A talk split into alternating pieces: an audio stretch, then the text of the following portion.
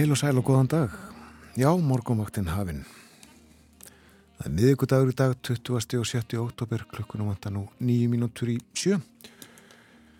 Og Björn Þór og Þórun Elisabeth hafa komið sér fyrir í sætum sínum við útsendingaborðið í hljóðstofu 6 út á húsinu í Erstaletti. Og við hugum að veðrinu, það var áttastega hitti í Reykjavík klukkan 6 í morgun. Fjórar eða fimm gráður í gerðmorgun aðeins svalara í fyrra dag ef ég mann rétt. Langt síðan ég hef séð áttastega hitta og fundið svo snemma dags. Og vindræðin fjóri metrar á sekundu andaði aðeins af austan. Fjórastega hitti á Kvanneri 6 gráður í stikisólmi þar ringdi 6 metrar á sekundu 6 stega hitti á Patrísfyrði og 10 metrar fjóra gráður í Bólungavík og 11 metrar þar norðaustan. Fimmstegi hitti á Hólmavík, þrjár gráður á Blönduósi, 1 metri þar á sekundun á náttúrlokk. Fjórastegi hitti á Söðanesvita á 10 metrar, fjórar gráður líka á Akureyri, Hægur vindur, Allskíjað. Lokn á Húsavík, þryggjastega hitti, þryggjastega hitti líka á Rauvarhöfn, smá góla þar. Fjóra gráður á skjáltingstöðum, fjóra gráður líka á ílstöðum, áttastega hitti á höfni hótnafyrði, líkt og í Reykjavík og átta metrar á sekundu þar. Seks gráður bæði á kvískerjum og kirkjubæðaklaustri. Sjöstega hitti á Stórhauða í Vestmannegjum og það er bálkvast þar. 20 metrar á sekundu og 24 metrar í mestu kviðunni. Og endingu sjö gráður í uppsveitum Árnesíslu veður á törnastuðinni í Árnesi. Og hittir svona öðru koru megin við frósmarkið á Hólendinu ein gráða í pluss og eini mínus um það byll Og þá að veður horfunum. Austan og norðaustan 8 til 13 metrar á sekundu en 13 til 18 með suðausturströndinni og norðvestan til framan af morgni Dálítil rigning með köplum en úrkomu lítið norðvestan til og léttir víða til á vestanverðurlandinu síðdegis í dag. Og hitinn 2 til 10 stiga deginum hlýjast siðra. Á morgun verður svo hæg, norðlæga eða breytilega átt og skíða með köplum en smá skúrir eða slittu jélfi norður og austur ströndina og það kólnar heldur nýrdra á morgun. Áfram útlitt fyrir hæglætis viður á förstu dag þurft að kalla en fremur svalt í veðri, segir hitin 1-6 stig en í kringum frostmark norðaustanlands á förstu dag. Og uh, ég fæ ekki betur séð en að það sé líka bara ágættis uh, og hæglætis veður uh, í kortunum fyrir komandi helgi. Sunnanátt á laugadag, smá væta og hiti 2-7 stig en bjart og hiti í kringum frostmark um landið austanvert á sunnudag, suðaustanátt, lítilsáttar regning en að mestu þurft fyrir norðan og þá hlínar í veðri á ný. En á mánudag og þriðudag segir að kólnandi viður séu kortunum aftur. Já, það eru líka mánuðamót. Nóambur gengur í garð á þriðudaginn næstu viku. Það er hálka á heiðum fjallvegum, segir við að gerðin. Og uh, nefnir Holtavörðu heiði og Öksnadals heiði og uh, fjölmarka fjallvegi á norðausturlandi og austurlandi og hálkublettir á nokkrum fjallvegum á vestfjörðum. Það er ímislegt á dagskrá morgumvaktarinnar í dag. Uh, Vil maður tala þess um kjærasamningana, uh, komandi kjærasamninga gerð. Hvað er eiginlega í stöðinni? Það er, það er svona þrengra um heldur en oft. Verðbólgan tölverð, vextinnir háir og uh, það eru efnaðs erfileikar í heiminum öllum. Er hægt að bæta hag og kjör launafólks með öðrum hættið en að hækka launin? Við ætlum að velta því fyrir okkur. Og uh, við ætlum líka að fjallasvaltu um psoriasis, hvernig það er að lifa með psoriasis meira en það á eftir. Og uh, svo að getum tilöfni ætlum við að minna á lögin sem gilda um hjúskap í landinu segjum betur frá þessu öllu saman í kynningu eftir fréttina klukkan 7 en við hefum hlusta á eitt lag aður en lengra er alltið. Jú, við tökum fram plötu. Þetta er upptaka frá árunni 1955, The Platters og Only You.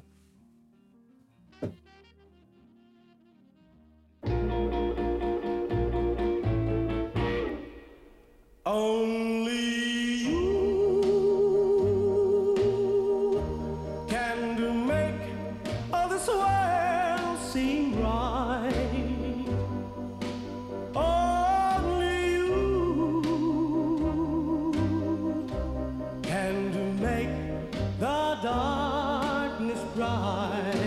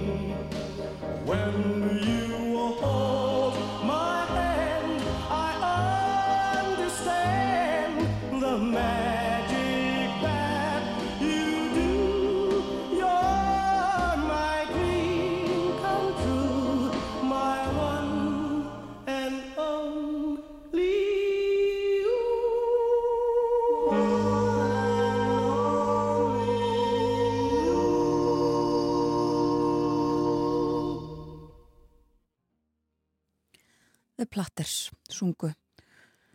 Only You. Lag frá árunni 1955 síðan hafa þetta fjölmarkir aðri tekið þetta upp á sína arma. En við hleypum frettunum að rúm mínúta í þær og snúum svo aftur hér á morgunvaktina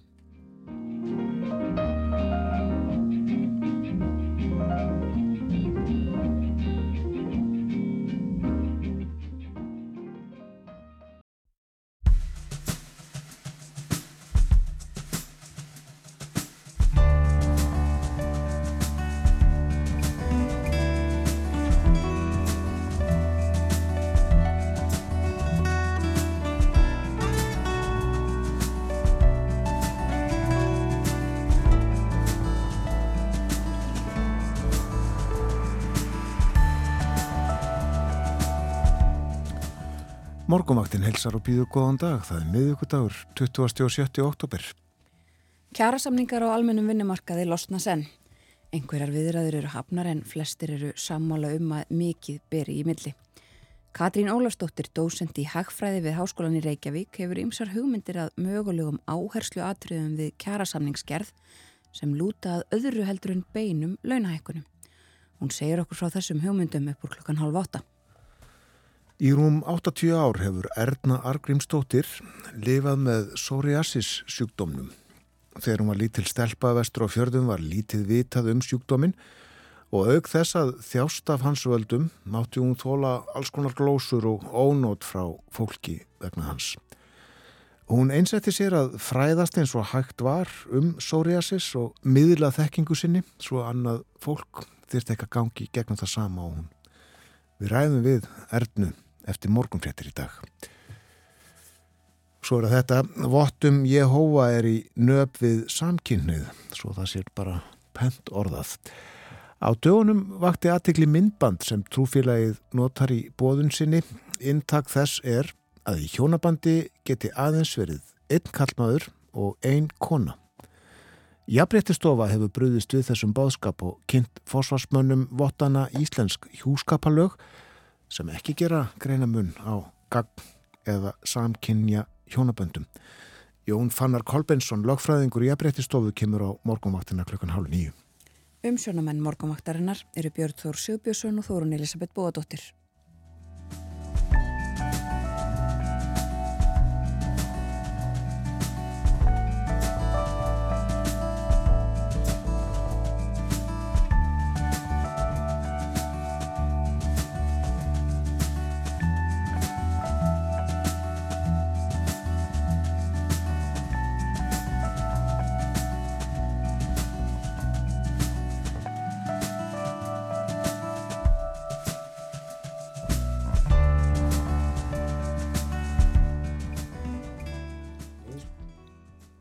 Veðurspáin það verður kannski svolítið kvast í dag, eh, austan og norðaustan 8 til 13 en kvassara 13 til 18 með suðausturströndinni og norðestan til framanamorni. Dálit til ryggning með köplum en úrkomi lítið norðvestan til og svo léttir víða til á vestanverðurlandinu sítiðis. Hitti í dag að tíu stegum hlýjast siðra og eh, Hæg norrlega breytilega átt á morgun, skýja með köplum, smá skúrir eða slittu jél við norður og austurströndina og það kólnar heldur á morgun fyrir norðan, á norðanverður landinu. Horfurnar fyrir daginn í dag, miðugudag og uh, morgundaginn. Og eins og við sögum frá fyrir morgun þá er hálka á uh, fjallögum og heiðum. Hefur verið síðustu dag og verður næstu mánuði. Eða verður fært með að segja Já. þar að segja. Þetta er veruleikin sem blasir við okkur næstu mánuðina. Já. Við uh, lítum í blöðin. Mynd af tunglinu á fórsíðu morgunblæðsins og uh, það er bísna stort á henni og þetta er ekki tunglið okkar hér yfir Íslandi Nei, myndi var tekinn á Indlandi í gerð og uh, má sjá á henni fólk verkamenn segir hér uh, virða fyrir sér sólmyrkvan í gerð deildarmyrkvan nefndum að nú í gerðmorgun þá voru nú lít, var lítil vonum að hann sæist frá Íslandi. Já. þannig voru skíin yfir landinu. En má sannsagt sjá hann á fórsíðu morgunblöðsins í dag. Það er uh, vitna hérna í völusbá í fyrirsókn máni þannig vissi hvað hann megins átti. Nú uh, að fréttunum næri 500 hjúknarfræðingar fengu sjúkradagpenninga úr styrtasjóði félags íslenskra hjúknarfræðinga á síðasta ári. Það eru rúm 3% félagsfólks og uh, tæplega 90% fleiri styrkþegar en á árinu 2019. Það var dæmigert ár fyrir árin á undan og uh, áður en að kórnuveiru faraldurinn skall á. Samantækt á þessu hér í blæðinu í dag og uh, svo er það lánin þau heimili sem að slá lán hjá viðskiptaböngunum fyrir húsnæðiskaupum og endur fjármögnun eldri lána með við í íbúða húsnæði treysta í auknumæli á verðtriða vexti. Þetta sína nýjar tölur sælabankars. Það er fjallaðum fastegnamáli líka á fósíðu fréttablasins en hann er að kólna eftir langarandi tíðanbíl verðhækana og mikillar þenslu verða á fermetra í öllum eigna flokkum hefur lækkað á síðustu vikum og þetta er byggt á mælaborði Deloitte en uh, á því eða í því er haldið utanum tölur frá þjóðskrá. Sala á einbílum jógst um allt land á sama tíma. Það er rætt hér við Ími Örd Fimboðsson sem er sérfræðingur viðskiptagreiningar hjá Dílóit. Hann segir vaksta hækkanir selabankans eru augljóslega farnar að býta. En uh, salan er lífleg, hún er ekki að detta niður þótt vextitin hækki. Og uh, það er líka verið að ræða um nagladekk, uh, rætt við Alessandru Brím, formann borgaráðs Reykjavíkur, en fyrir borgarfulltrúum liggur tillaga tillaga umhverjastofnar um að sveitafélög geti skattlagt nótkunn nagladekja og Alessandra segir personlega líst mér mjög vel á þessa tilugu og ég vona að hún gangi eftir og svo þurfum við sem sagt að borga sérstaklega fyrir að hafa nagladekkund í bílinu sinu Já. en svo er það uh, fórsýðum en trettablasins tekinn uh, að hlýðarendaði gær í Íþróttahúsinu þar í heimavelli uh, valsmanna sem að leku í Evrópakeppninni gegn uh, liði frá Ungverilandi og hafi betur. Valsararnir uh, skoruðu 43 mörg og gestirni 39 góður sigur sem sé. Og má sjá bros á hverju andliti. Aðeins út í heim. Byrjum kannski í Noregi þennan morgunin þar eh, hefur 37 ára brasilískur ríkisborgari verið eh, handtekinn grunaður um að vera í raun uh, rúsneskur njósnari mm. sagt frá þessu um, í norskum fjölmjölum og líka raunar uh, víðar en uh, þessi maður 37 ára já og hafði starfað sem háskólakennari og var handtekinn á leiðsinni í vinnu eftir að öryggis yfirvöld uh, hafðu metið sem svo að hann væri uh, ógn við þjóðaröryggi eða þjóðaröryggis hagsmunni Noregs. Og uh, hafði unnið í háskólanum í Tromsu frá því fyrra. Og uh, lögmaður hans segir að uh, þessum ásökunum séu öllum hagnað. Og uh, þetta er sér satt já einn stærsta frettin í Noregi í dag.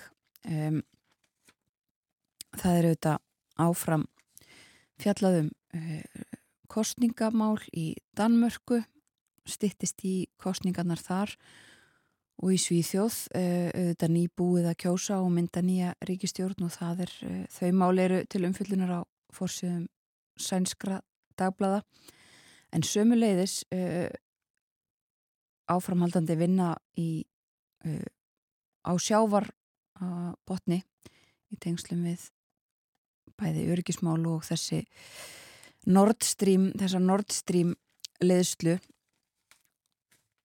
en skulum líta til breskublaðana, Bretlands. Þar er náttúrulega líka ekki nýbúið að kjósa eins og í þessum á þessum norðurlandum sem ég nefndi en uh, búið að skiptum fórsættirsráþara, leðtoga og ríkistjórn Rissi Súnak, uh, eins og hlustundur morgunvaktarinnar þekkja, orðin fórsættirsráþara hann tók formlega við í gerðmorgun eftir að hafa fundað með Karli Konungi og mörg breskublöðin með myndir af honum og þeim e, þarna á fórsýðum sínum og e, svo myndaðan nýja ríkistjórn og e, mörg blöðin líka með svona útleggingar og, og, og, og vangaveltur um, um hana á fórsýðunum sínum. Krísu stjórnin hans Sunak er einhverjum fórsýðum það kom sumum á óvart að fólk eins og Súela Bravermann sem að sagði af sér ennbætti bara í síðustu viku í síðustu ríkistjórn er snúin aftur. Hún sagði af sér vegna þess að hún gerði mistök, notaði um, persónulegt tölvupústfang ef mann rétt til þess að um, eiga einhverjum samskiptum og um, sagði af sér þess vegna. En svo líðu vika og, uh, eða sex dagar öllu heldur, ekki einu sinni vika og hún er komin aftur. Og uh, fjöldi annara svona kunnulegra andlita. Jeremy Hunt heldur áfram sem fjármálar á þeirra og uh, það var ekki plás fyrir keppinut Súnak Penny Mordond í ríkistjórnini en hún uh, verður leiðtogi þingflokksins ef ég sé þetta rétt og svo líka talað um það sem að Súnak sagði uh, það voru gerð mistök sagðan í ræðu sinni í gerð, stuttri ræðu sem hann held. Mistök voru gerð, ég mun laga þau og ég ætla að vinna af heilindum fyrir bresku þjóðina. Skila árangri eh, er það sem að brettar eru farnir að segja oft. Eh, Deliver for Britain, segja þeir. Og svo eru það loftslagsmálinn. Það eru innan við tvær vikur í það að eh, leiðtogar heimsins hittist í eh, Egiptalandi. Það fer fram loftslagsráðstefna þessa árs og það er á að eh, ræða um þau mál sem ekki hefur tekist að, að gera nægilega vel. Heimurinn er ekki á réttri braut til þess að hefta hlínun og, og stöðva hlínun jarðar við eina og halva gráðu á Celsius. Þetta markmið sem var sett í, eh, á loftslagsráðstöfninu í París 2015 og uh, sagt frá einum ímsu skýslum sem að gefnar hafa verið út núna um þessi mál. Á fórsíðu New York Times talaðum uh, skýslu frá saminuðu þjóðunum sem segir einfallega að uh, ríki heimsins þeim er að mistakast að uh, halda dampi, halda í við þessi markmið sem þau hafa sett sér til þess að berjast gegn uh, hlínun jarðar. Og það eru bara 26 af 193 ríkjum saminnið þjóðana sem að uh, sem að hafa samþygt metnaðarfyllri áform í þessu málum. En það er Það eru ýmsar afsakanir dregnar fram auðvitað, það er stríð í Evrópu, eh, orku, krísa og heimsvísu, mikil verðbolga víða og líka eh, pólitískur óstöðuleiki og við erum kannski enna vennjast í að það sé þarna eins og fors, á fórsíðu New York Times tekið saman sannsagt pólitískur óstöðuleiki í ríkjum eins og Breitlandi og Brasilju. Já. Þetta eru ríkin sem eru dregin fram og þetta hafi eh, svona trublað leðtóa í því að, búa til metnaðafyllri áform og gera uh, betur í þessu málum. Fleiri skýslur sem að er að koma út um þessi mál meðal annars um, einn sem að heitir The State of Climate Action staða loftslags aðgerða sem að metur svona ímsa mælikvarða á þetta og þar er uh, dreyið fram meðal annars það að fólk í Evrópu þurfi að eh, minga kjötneslu sína neður í það sem samsvarar e, tveimur hambúrgurum á viku. Þetta er svona, fólk á Vesturlundum þarf að gera þetta. Þetta er ekki sama vandamálið annar staðar. Það eru hvað, 200-300 gram eitthvað svo leiðis? Eitthvað svo leiðis, já. E, það þurfi að skipta yfir í heilbreyðara og sjálfbærara mataræði. Og það þarf að gerast fimm sinnum hraðar en svona en er að gerast núna. Já, bara eittur og bingo. Já, og sömu leiðis uh, þarf að hætta uh, eða minga engabílaferðir, það er einn af þeim mælikurum sem er alveg á kollrángri braut segir í þessari skýslu og svo er það þetta um, stærri og öðruvísi hlutir eins og stálframleðsla uh, og það þarf að hætta og minga kólanótkun miklu hraðar en verður þeir að gera og uh, þar fram eftir gödunum en sem sagt uh, tekið sérstaklega fram að uh, þetta eru fimm mælikvarðar sem eru svona já, heimurinn stendur sig sem verst og það er nótkun jarðefna eldsnættis sem hefur aukist hratt þegar hún ætti að vera að dragast saman. Og svo er það svona stálframleysla og kólaframleysla ferðir í engabílum, hröð skóareiðing sem að þarf að stöðva og útblástur frá landbúnaði og það tengist auðvitað þessu með kjötneyslinu og fleiri skýslu sem við gætum dreyja fram en, en gerum ekki ef við ekki frekar að hlusta á smá tónlist. Ég held það.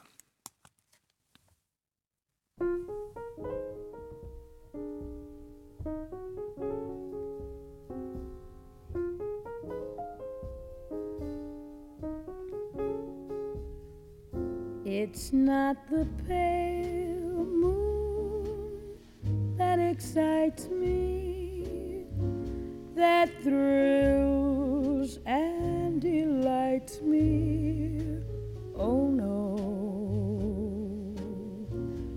it's just the nearness of you. It isn't your sweet conversation that brings this sensation.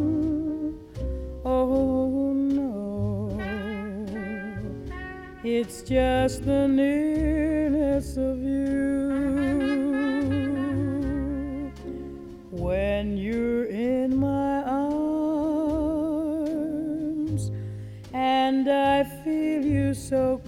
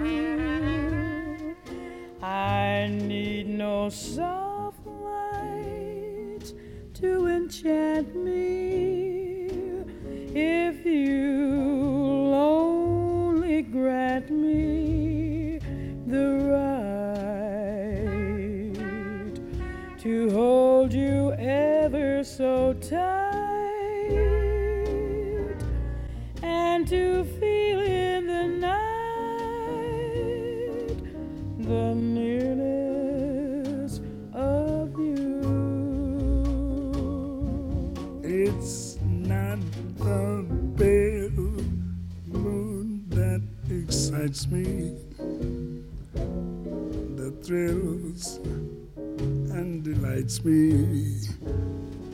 Oh no, yes, just the nearness you.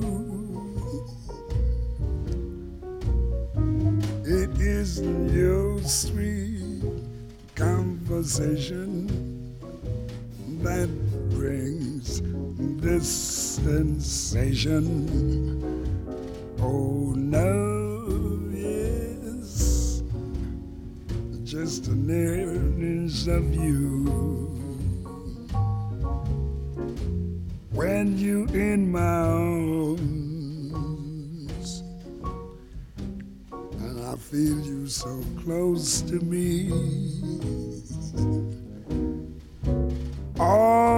My wildest dreams come true. Yeah. I need no soft lights to enchant me if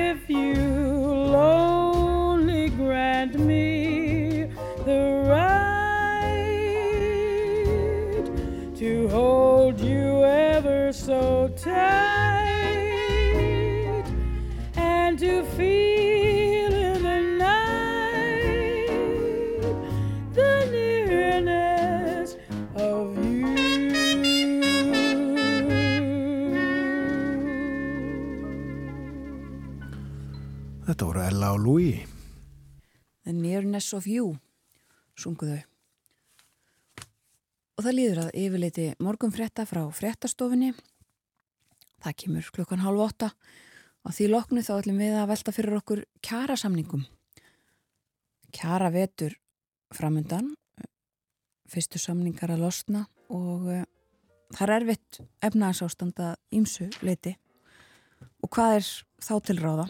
Katrín Ólafsdóttir dósend í Hagfræði, hún hefur ymsar hugmyndir um hvað er hægt að gera annað en að hækka laun og uh, hún ætlar að segja okkur frá þeim hugmyndum hér eftir nokkra mínútur. Sæl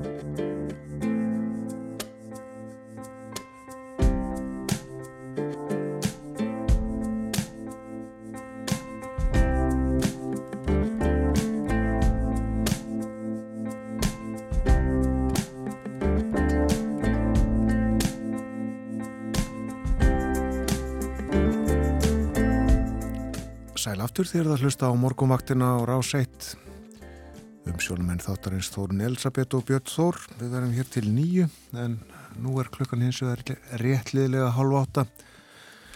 Já, það er miðvíkudagur í dag, 20. og 70. oktober. Veðurhorfur dagsins, östlag átt og myllt veður, dáli til væta og víð og dreif framan af degi en það léttir til á vestanverðurlandinu, setnipartinn. Hæg norðlæg eða breytileg átt og skýja með köplum á morgun, smá skúrir eða slittuél út yfir norður og austur ströndina og það kólnar nokkuð fyrir norðan á morgun. Og uh, svo er áfram útlitt fyrir hæglættisviður á föstudaginn, þá verður þurft að kalla en fremur svalt í veðri. En hitin í dag frá tveimur stegum að tíu hlýjast á sunnaverði landinu. Ég vekk aðtikli á því að uh, hér eftir morgunfréttnar klukkan átta verður rætt við Ernu Argrímsdóttur sem að eh, eins og saði kynningu í morgun hefur í rúm 80 ár lifað með psoriasis sjúkdómnum og uh, þegar hún var lítil stelpa vestur á fjörðum þá var lítið vitað um þann sjúkdóm og uh, Erna mátti þóla alls konar glósur og ónót frá fólki vegna hans. Og hún einsetti sér að fræðast eins og hægt var um psoriasis og miðla þekkingu sinni svo annað fólk þyrti ekki að ganga í gegnum það sama og hún. Leikum viðtal sem ég átti við Ernu í gær eh, eftir fréttinar klukkan átta. Og uh, milli hálni og nýju þá ætlum við að tala um hjúskapalögin og uh, hvernig þau eru virt í samfélaginu og innan samfélaga í samfélaginu.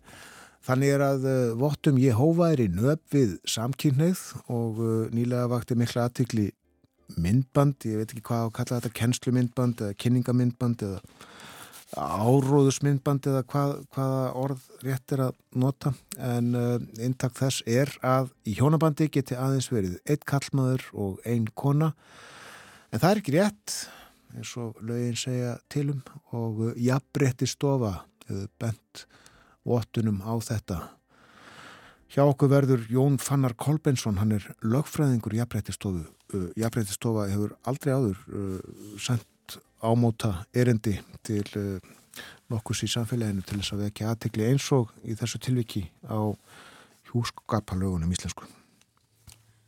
En nú þetta, kjara viðræður og samningagerðir framundan í vetur, eh, fyrstu kjara samningar á almennum markaði, renna út nú um mánaðamótin, einhverjar viðræður eru hafnar.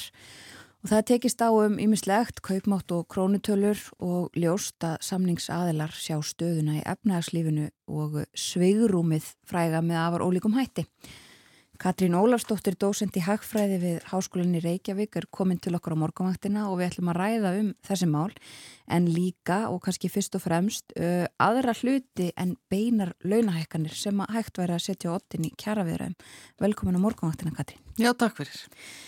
Byrjum aðeins á uh, síðustu kjærasamningum á almennum vinnumarkaði sem að voru gerðir uh, 2019 er það ekki? Mm -hmm hvernig, sko þar var samið um krónutöluhækanir og það uh, varð úr, var samkominlega um það og þá hækka hlutfalslega mest launin þeirra sem að lægst hafa þau. Já. Uh, viltu aðeins svona segja okkur meira frá því uh, rivji upp með okkur hvað var, hvað var samið um og hvernig þetta var? Já, þetta er svo, svo kvöldi lífskjara samningar sem að voru gerðir hérna voru 2019 og voru til lang, tiltulega langstíma það er svona eh, hefur verið svona eitt, eitt barndumálið þegar er hérna lítið samkómulega er það hefur gert stuttur samningur en þannig var gerðið tiltulega langur samningur með tiltulega miklum hækkunum sem að, að e, rauninni við hækkunarnar höfum tölur áhugjur af að væri svona verðbólku kvetjandi e, það hefur ekki verið raunin. Það, er, það var ímislegt sem laðist á sveið með okkur til dæmis eins og viðskipta kjör og, og, annað en þarna var sem sagt og þarna var líka gerði hérna eh, svona kannski nýlunda tengja launahækkanir við hagvöxt. Og þetta var eitt sem að til dæmis alltaf gældurisjóðunum var mjög afnæður að sjá en það sem kannski enginn sá fyrir var að það kemi COVID og kemi kreppa og, og sem sagt að, að það verið fyrst mikill samdráttur aðan að er þið vöxtur og vöxtunum var rauninni bara ná upp í það sem vorum áður. Já. en einhvað síður þetta, þetta er bara hluti af kjærasamningunum þannig að þetta, þetta fór í gegn Og er bólka núna sem sagt ekki e, launahækkunin 2019 að kenna? Lit, nei, ég, ég held að það sé óhætt að segja, það, það er lítil tengsl þar á milli, það eru eitthvað eitthvað tengsl en þau, þau eru ekki, það er annað, annað sem er raun að keira, keira þar sem sem mest. Sko. Akkurat. Já. Og það er einmitt, uh, þá komum við kannski að stöðunni núna í aðdraganda kjærasamninga, uh, það er mikil verðbólka. Það er mikil verðbólka og það er, við sjáum þennslumerki við það, þannig að hættan er á að allar hérna launahækani núna, að það sé miklu meiri líkur því að það er farið út í verðlag heldur en í síðustu kjærasamningum. Já. Og það er eitthvað sem enginn græðir á. Það, græðir, það er sko verðbólgan er bara mjög... Uh, hvað við segja já, sagt, það, það sem að fælst í verðbólgunni er það að, að þeir sem að, að, að kannski síst mega viðinni þeir lenda vest í henni. Það, það er eiginlega það, þeir sem er efnaði þeir geta bara fundið aðra leið úturinni eða farið með peningarna sín eitthvað annað. En það er þeir sem að kannski veststanda sem að hérna lenda með því sérstaklega eins og matvælaverð og annað sem er að hækka. Hér hefur þetta oft verið mikil verðbólka. Hvernig gerasamlingar hafi verið gerðar, gerðir í svona ástandi og umhverfi gegnum áratvíðina? Það var náttúrulega mjög frækt á tíumbilið þar sem að, að launahækkanum voru tengt af við verðlag og þá fengum við bara þennan skemmtilega spíral og náðum því að vera með 35% verðbólka meðaltali á ári í 1-20 ár sem að ég, nefn, það þarf að leggja sér mikið fram með að búa til svo verðbólku en okkur tókst það. Þannig að það er ekki eitthvað sem að, það er ekki tímandi sem við ætlum að fara aftur í, vona ég. Það er, það er, ekki, það er ekki fyrirmyndin. Komu uh, þá fram aðrar hugmyndir eða, eða hugsuðu menn bara, ja, það er bara hægt að, að krefjast herri launa og við verðum að fá herri laun? Það er náttúrulega alltaf verið eitthvað um það í kjæra samningum að það sé verið að vinna í öðrum málum heldur en beint launumálunum. Það er mjög smúnandi mikið, stundum er bara samið laun og ekkert annað en stundum eru svona hliðamál sem, að, sem að eru á, á, á borðinu. Já og sko þú skrifaði grein nú svona uh, öðrum þræði til með þess að við fengum þig til okkar til að ræða þessi mál uh, í vísbendingu fyrir svolítið síðan. Uh, hvað getur komið í stað launahækunar sem sagt í þessu ástandi? Hvað er hægt að semjum og gera annað heldur en einmitt bara hækka launin í krónum og um, við ætlum að fara yfir þessi, þessar hugmyndir, þessi atriði og byrjum með mitt á sko stittri vinnuvíku og það var auðvitað eitthvað sem að samið varum líka í, í síðustu kjærasamningum. Akkurat, akkurat. Og hvað væri hægt að gera uh, núna í Þa, þeim málum? Já, kannski það sem ég var að hugsa þar er það að það var samið um og almennu vinnumarkaði, ekki öllum en hluta á hannum að stitta vinnuvíkuna. Það sem að ríki gerir síðan eða hefur ofinbera er að ganga ennþá lengra, sérstaklega gagvart vaktavinnufólki. Þannig að það mér finnst það svona eiginlega svolítið borlegjandi að þetta verði eitthvað sem að verði upp á borðinu þá í, í núna hvort að, að almennumarkarinn hyggist taka lengi, eða stærri skref mm. svipað og, og ofnberi eða kannski bara einhverjar alltaf að leðir. E, einhverjir hafa nú ekki vaffer sem er með það í sinni gröfugerða að það verði fjóra dag vinnuvíku. Jú, þeir alltaf fara, sagt, ennþá, vilja fara ennþá lengra og fara nýr fjóra dag. Já. Og atvinnureikandur ekki, svona, ekki lísti við mikill ánægja með þau Nei, það, það er náttúrulega eftir að setja snurra semja sko. það er náttúrulega, er, hluti, þú byrjar á kröfugjörn og svo semja menn en, en það er þannig hinga til, það hefur ekki sko rannsóknir á steytri vinnuviku það er sín ekki fram á nein, mikil neikvæð áhrif eða það, er það? Það hefur ekki verið, það sem að kannski vandin við að við höfum ekki svona langtíma áhrifin, við höfum skamtíma áhrifin, það sem að þetta síni sig bara hefur kom bara mjög vel út mm. eh, það náttúrulega byggist aldrei á því hvernig þetta er útfært. Það er náttúrulega, það reynir á stjórnendahefileika að, að gera þetta þannig að, að þetta lendi ekki á hérna, e, e, sagt, þetta, þetta komi vel út. Þannig að, að en þetta er yfirleitt bara, kemur bara mjög vel út mm. og, og hérna það hefur bara sínt sig að fólk ránaðar að líðu betur, það er svona meira jafnvægi millir vinnu og, og heimilis og svona skrepp hafa mingað, gerist vera. Þannig að að þetta, ég held að sé bara mjög almenn ánægja með þetta mm. við að skvar. Já.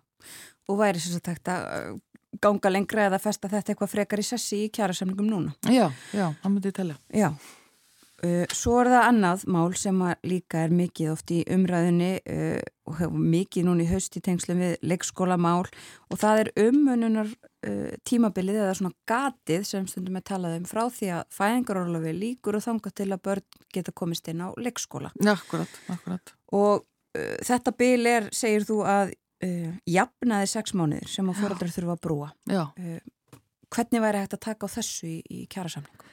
Ég sko þarna þetta er bara alveg gríðalegt hérna jafnbrettismál þarna Það er þannig að við er, erum með mjög gott kerfi fæðingarólof sem er með jafnbrettus hugssjónabaki og allt það. En það sem þar tekur við er síðan bara býðin eftir leikskólanum sem er, svo við vitum, það eru dagfóreldrar eða, eða eitthvað slíkt. Nú það sem að e, er hægt að gera, það, það, er, ja, það eru tvær leiðir, annarkort að börni komist fyrir á leikskóla eða fæðingarólofi lengist, það er, er ekkit annað. En, en það hefur bara sínt sig að þetta bíl er brúað yfirleitt af mæðurum miklu frekar heldur en að feðurum þannig að, að þessi jafnbreytur hugssjón sem er í fæðingarólofinu, hún týnist bara strax að loknu fæðingarólofi sem að ef við ætlum að vera jafnbreytur samfélag þá bara þurfum við að laga þetta. Mér finnst þetta bara að vera einsýnt að bara laga þetta. Mér finnst ekkert annað, ekkert komið til greina þar. En, en svona kannski eitt sem bara nefna það eitt sem er sínt varandi fæðingarólofi ef fæðingarólofið er orðið mjög langt þá getur það að fara af áhrif á atvinnu þáttöku fóreldrana Þannig að það er eitthvað sem það þarf að hafa í huga þó að sé kannski mörguleiti gott að vera með langt fæðingarólof að þá eru mörg á því að, að hérna, það er erfitt fyrir fóröldra að koma tilbaka ef þetta er búin að vera í burti ári eða, eða meira. Já. Hvort högnast er að, að uh, betur að sagt, leikskólum verði snar fjölgað og, og, og komist fyrr á leikskóla heldur en það gera eða að fóröldrarinn geti verið lengur heima? Það er eitthvað sem ég treysti mér ekki til, til að svara. Mm ekki einu svona sem móður ég er ekki móður og þá er það þriðja atriðið uh, og við komum aftur að þessu með jafnbrettiðið mitt. Uh, það eru fleiri hugmyndir hjá þér uh, um þau mál. En þriðja atriðið sem þú nefnir er sko kulnun og endur koma á vinnumarkað. Og, og aftur þetta er líka eitthvað sem mikið er í umræðinni og kulnun í starfi sem að, eins og þú segir, er engin nýjun en, en það er ný, nýjung, en það er nýtt að það er verið að tala um hana og verið að þróa einhver úrræði uh, og aftur bara spyrjiðu, hvernig er þetta að taka á þeim málum í, í kjærasamningagerð? Já, þetta er, alveg, þetta er stort mál og verður starra og ég held að við séum núna bara átt okkur á því að, að, sko, COVID hefur hatt miklu meir áhrif á okkur heldur en kannski við heldum og við erum að sjá þetta svona brótast út hér og þar í okkar, okkar samfélagi og ég held að kulnun eigi eftir að vera miklu meira vandamál heldur að hefur verið og er vandamál í dag eða er atriði mm. og það er rauninu það er mikið verið að rannsaka á þessu sviði hvað hægt er að gera og hvað eru svona merkin og, og, og, og hver eru svona ástæðunar Já. og það er ímislegt sem að vera að skoða þar. En það sem ég finnst mikilvægast núna er það að við áttum okkur á því hvað eru merki kulnunar þannig að við getum tekið að því áður en fólk fyrir kulnun. Ég held að það sé svo erfið þegar komið þangað.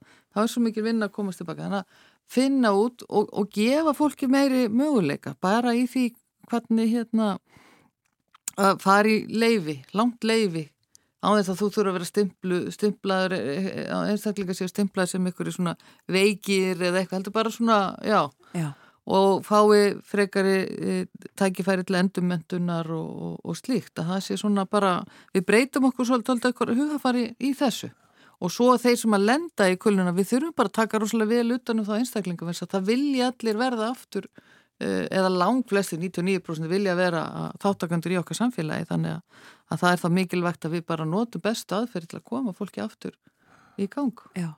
En finnst þér uh, ég ekki nægur skilningur á þessu meðal uh, atvinnreikenda?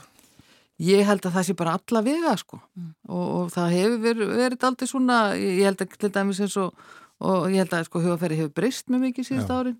Ég man þegar virk kom fyrst og þá var svona einhverjir svona fordómar gagvart í úrræði. En, en ég held að það sé bara það búið að sína sig að þetta úrræði virka mjög vel. Já. og reynist mjög vel þannig að, að ég held að við bara, eins, en eins og ég segi, við þurfum að vera bara svona læra betur á það hvaða er sem er að valda þessu. Já. og, og taka, sem sagt, taka inn, inn fyrr. Og segist eittir vinnuvika er eitt, eitt atrið í því Akkurat. að, hérna, Og, og annað atriði getur kannski líka verið uh, næsti punktur sem er fjárvinna. Mhm. Þetta kannski líka allt eh, á það sameinlegt að þetta snýr allt að því að bara hjálpa fólki að líða betur í vinnunni og utan vinnunna. akkurat, akkurat ég held að fjárvinnan sé bara gríðarlega stort mál Þess að við fórum náttúrulega inn í COVID og við lærðum upp og nýtt og fluttum skrifstofuna heim og, og allt það og, en núna þurfum við aðeins að taka stöðuna hvernig ætlum við að vinna með þetta til framtíðar þetta henda mörgum mjög vel en stundu getur þetta verið byrði. Ef þú átt að vera í vinnun alla sólarhengin eða þú getur ekki tekið veikindadaga því að þú, já, eru bara sagt að þá að vinna heima og, og við þurfum að hafa svolítið stefnu í því hvernig ætlum við að vinna úr þessu áfram. Þannig að þetta verði kostur en ekki galli. Þetta getur verið auðveldlega þú veist, getur verið bæði. Það stundum var þægilegt að geta unni heima en stundum er maður líka bara, heyrði, nei, nú ætla ég bara að slökka á síman og takk fyrir Já, einmitt. Það er svona eh, það, annað að standu frá tölfunni eða einhverju slíku í vinnunni og fara heim heldur en að vera með alla græjur og allt heima þá er svona kannski erfiðar að skilja á milli. Það er erfið að skilja á milli og hvenar ætlar að skilja á milli, hvenar er vinnudagurinn búinn og þú fer að gera eitthvað annað. Já, já. Akkurat. Og uh, þú talar um eins og við erum búin að, uh, búin að koma inn á sko jafnbrettismálin og það er síðan uh, sko eru fleiri sem hafa verið að ræða þau mál meðal annars BSRB það þurfu að gera bara kvenna kjærasamninga og fari sérstakt áttak til að jafna launamun kynjana. Þú talar um það líka. Já, þetta er náttúrulega ekki, alls ekki nýtt og það er mikil vinn í gangi um, um verðmættamat uh, hvernastarfa og þetta er eitthvað sem við þurfum að skoða þannig líka bara hugafarsbreyting sem við þurfum að, að það er ekki deðlilegt að fólk sé að vinna uh, já, þess að sagt að sum störf séu mjög hérna, markvist lægra metin heldur en önnur þráttur í svipaða mentun og og mikið vinnu álag og, og, og slíkt. Þannig að það er eitthvað, eitthvað svona bara, það, er svona hugafarsbreyting sem við, sem við þurfum þar. Já. Það býst að langt frá 1975 uh, þegar hvenna frítagurinn var, en það þarf enn hugafarsbreytingu, hún er ekki komin. Þetta er ótrúlega djúft í okkur, þessi svona sem kallar unconscious bias, að það er, við erum öll með það og ég segi bara eitthvað sem að segja við mig að neini, ég, ég bara horfa að kalla konur eins, það er bara Ég, ég trú ekki þeim sem segja, en ég finn þetta hér sjálfur mér og þetta er samt eitthvað sem ég er að vinna í daginn út og inn, eða þú veist, þetta er hluta mínu fræðasviði. Hvernig ætli standið á þessu? Þetta er, ég, ég, ætla engum illt í þessu, þetta er eitthvað, þetta er í okkar, uh, þetta er bara svo djúft í okkar menningu, í okkar hugsunarhætti og ef við gerum þetta ekki meðvitað, laga þetta, þá, þá lögum við þetta aldrei. Þannig að, já. Akkurat, hugafarsbreyting í þessu málum. Um, og svo er það fákjefni, bættara eftirlit og mögulega ebling samkjefniseftirlits. Við höfum rætt þessi mál líka áður á, á morgunvættinni vorum með forstjóra samkjefniseftirlitsins hjá okkur uh, fyrir skömmu sem að talaði mitt líkum þetta. Við þurfum að passa þessi mál og halda utanum þetta ekki síst í ástandinu sem að nú er. Já, þetta er OECD bent á fyrir uh, já, 2020 að þarna er og þarna, þarna kemur þetta að því að verðbólgan er þetta mikil mm. og hérna tölum við svolítið um það að verðbólgan sé að já það er annars vegar hérna, húsnæðsverð og hins vegar olíuverð. Þetta er miklu meira sem er þannig í gangi og ef þú skoðar undirliði e, vísitölun Ísluverðs þá er helmingu þeirra að hækka um meir en sem nefnir verðbólgumarkmiði. þannig að það eru mjög margir undirlega vístölar að hækka. Já, nöðsynja vörur.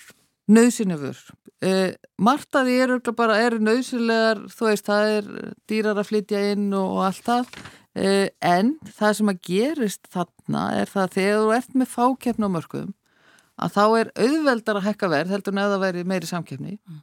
og freystingin verður náttúrulega til staðar eða kannski væntingar ef allir samkeppnisaðalinn er búin að hækka verð kannski 5% að þá hækkar þú kannski um fjögur skilur, þannig að þú dekkit endilega kannski yfirbjóð og heldur þínu hérna. en sko e, þannig, þannig ég er ekki að segja að veist, þetta gerist en freystingin og líkunar aukast mjög mikið þegar verðbólgun ekst Þannig að þannig er eitthvað sem bara gagvart neytendum myndi skipta máli að fylgjast með og í rauninu það er ekkert ólulegt við það að hækka verð en það er bara eðlert að þarna fylgjast eitthvað með og sjá eitthvað, er framlegin að aukast þarna eða, þarna eða hvað er að gerast mm. og þarna líka ef þú ert með markastræðandi stöðu þá er rauninni ólulegt að nýta sér hana en þá er mjög bara fyrir okkur neytendur að það sé eitthvað sem fylgis með og slæra á putta. Já, hér er fákettni á öllum helstu markuðum samkvæmt uh, skilgrinningum. Já, það er það. Það er á langflestu mörgum er hér, hér fákeppni. Mm. Þeir geta unni sem þeir séu fullri samkeppni en þeir geta líka unni þannig að, að það sé tölverð framlegð. Já. Engur myndi segja að þetta á ekkert heimi einhverju kjærasamningagerð. Þetta, og þetta náttúrulega fer ekki á kjærasamningaborðið en þetta gæti verið útspil ríkistjórnar í, í lokin þannig að, að hérna, það, það væri, væri mögulegin og þetta væri okkur í hag, Já. okkur neytundum og. Það er margt hér uh, áhugavert en uh, svo auðvitað stöndu við frammi fyrir þeirri staðrendar sumir eru á allt og lágun launum, Katrín. Já, ég, ég ætla ekki að neyta því. Þarf ekki að gera eitthvað þar líka? Sko það er náttúrulega eitthvað sem við gerum, gerist í, í langt flestum kjærasamningum að það sé tekið sérstaklega á þeim, þeim lagslaunuðu mm. þannig að, að hérna Og þú nefnir sérstaklega einmitt einstaklinga undir látökjumörkum og leyendur á húsnæðismarkaði sem búa við íþingjandi kostnað, húsnæðiskostnað. Já, já. Ég hérna, þessi greini vísbundingu er hluti af skýslu sem ég vann fyrir fórsættisraðanetið og þar sér maður að þeir sem, eru, sem búa við íþingjandi húsnæðskostnaður ábyrrandi leyendur, frekar heldur en, en þeir sem eiga sitt húsnæði. Og leigu, semst, leiga hefur hækka mjög minna heldur en húsnæðisverð. Þannig að það er spurning hvort að þar er eitthvað inni sem að við förum að sjá meiri hækkun og leguverði, ég veit það ekki.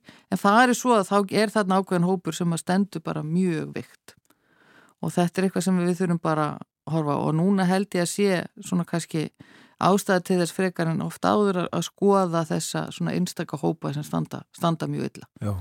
En við erum stöndum almennt í svona alþjóðlegum samanbyrju, það stöndum við vel varðandi fátakt og, og slikt. En þetta er náttúrulega bara mælistykkur sem eru notaður en þetta er einstaklingar sem búaðan undir og við viljum ekkert að, að það sé, já, fólk búi við fátakt almennt. Það er bara ekki, ekki gott fyrir okkur sem, sem samfélag.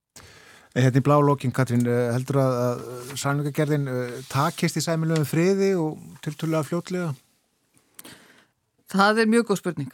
Það er mjög góð spurning. Ég, ég veit, sko, samlingar nást á endan, það vitum við alltaf. En hvað er taka langan tíma, það er svo aftur spurningin. Það er, ég held að það sé svona, uh, fólk sé gýrað inn í það að, að klára þetta fljótt og vel. Og ég vonaði að verði, en ég óttast að það verði átök eitthvað fram eftir vetri. Hvað áttu við með því, áttu þá bara við að fólk takkist á í sangaborðið eða þau tegir sig út í verkvöld? Ég, það kemur ekkert óvert að sjá verkvöld hér í, í vetur. Nei. Við fylgjum með því og fáum þið kannski til okkar aftur í vetur. Kæra þakki fyrir í dag, Katrín Ólustóttir. Takk fyrir.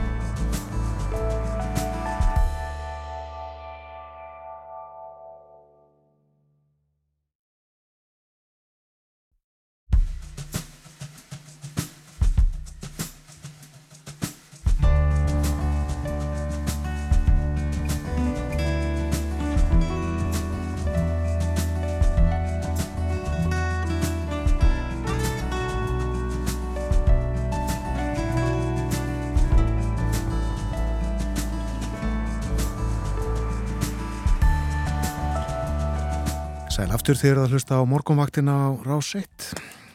Klukkan farin að ganga nýju, það er miðvíkudagur í dag. Umsjónamenn þáttarins Björn Þór og Þórun Elisabeth. Á lögadagi næsta, 20. og 9. oktober, þá er alþjóðadagur Sóriasis. Og þá verður líka 50 ára afmælishátið Spóex. Það eru samtök Sóriasis og XM sjúklinga. Erna Argrímsdóttir þekkir psoriasis vel, of vel er óhætt að segja. Sjúkdómurinn hefur markað allt hennar líf sem að spannar rúm 80 ár. Ég hitti Ernu í gær og átti við hennar viðtal og spurði fyrst hvernig það var að vera lítil stelpa með hennar sjúkdóm sem sást svo vel utan á henni en engin vissi hvað var það var bara martröð en það er vannþekking og fordómar gríðarlega slæma sýstur engum saman og ég var út á landi í bæ sem að ég held að verið 3600 manns á þeim tíma og vissi ekki um nokkuð tíman, nokkuð sem að var með þennan sjúkdóm sem voru auðvitað margir samsum áður því að læknar þekktu þetta alls ekki. Hvað til ráða? Hvað var hægt að gera fyrir þig? E, það var nú aldrei einn spurningum að gera neitt fyrir mig vegna þess að það voru svona viðhorf í samfélaginu. Að það var alltaf verið að tala um hver væri fallegur og ljótur og svo framvegs og eitthvað annað. Og fár verður fagur af sárum.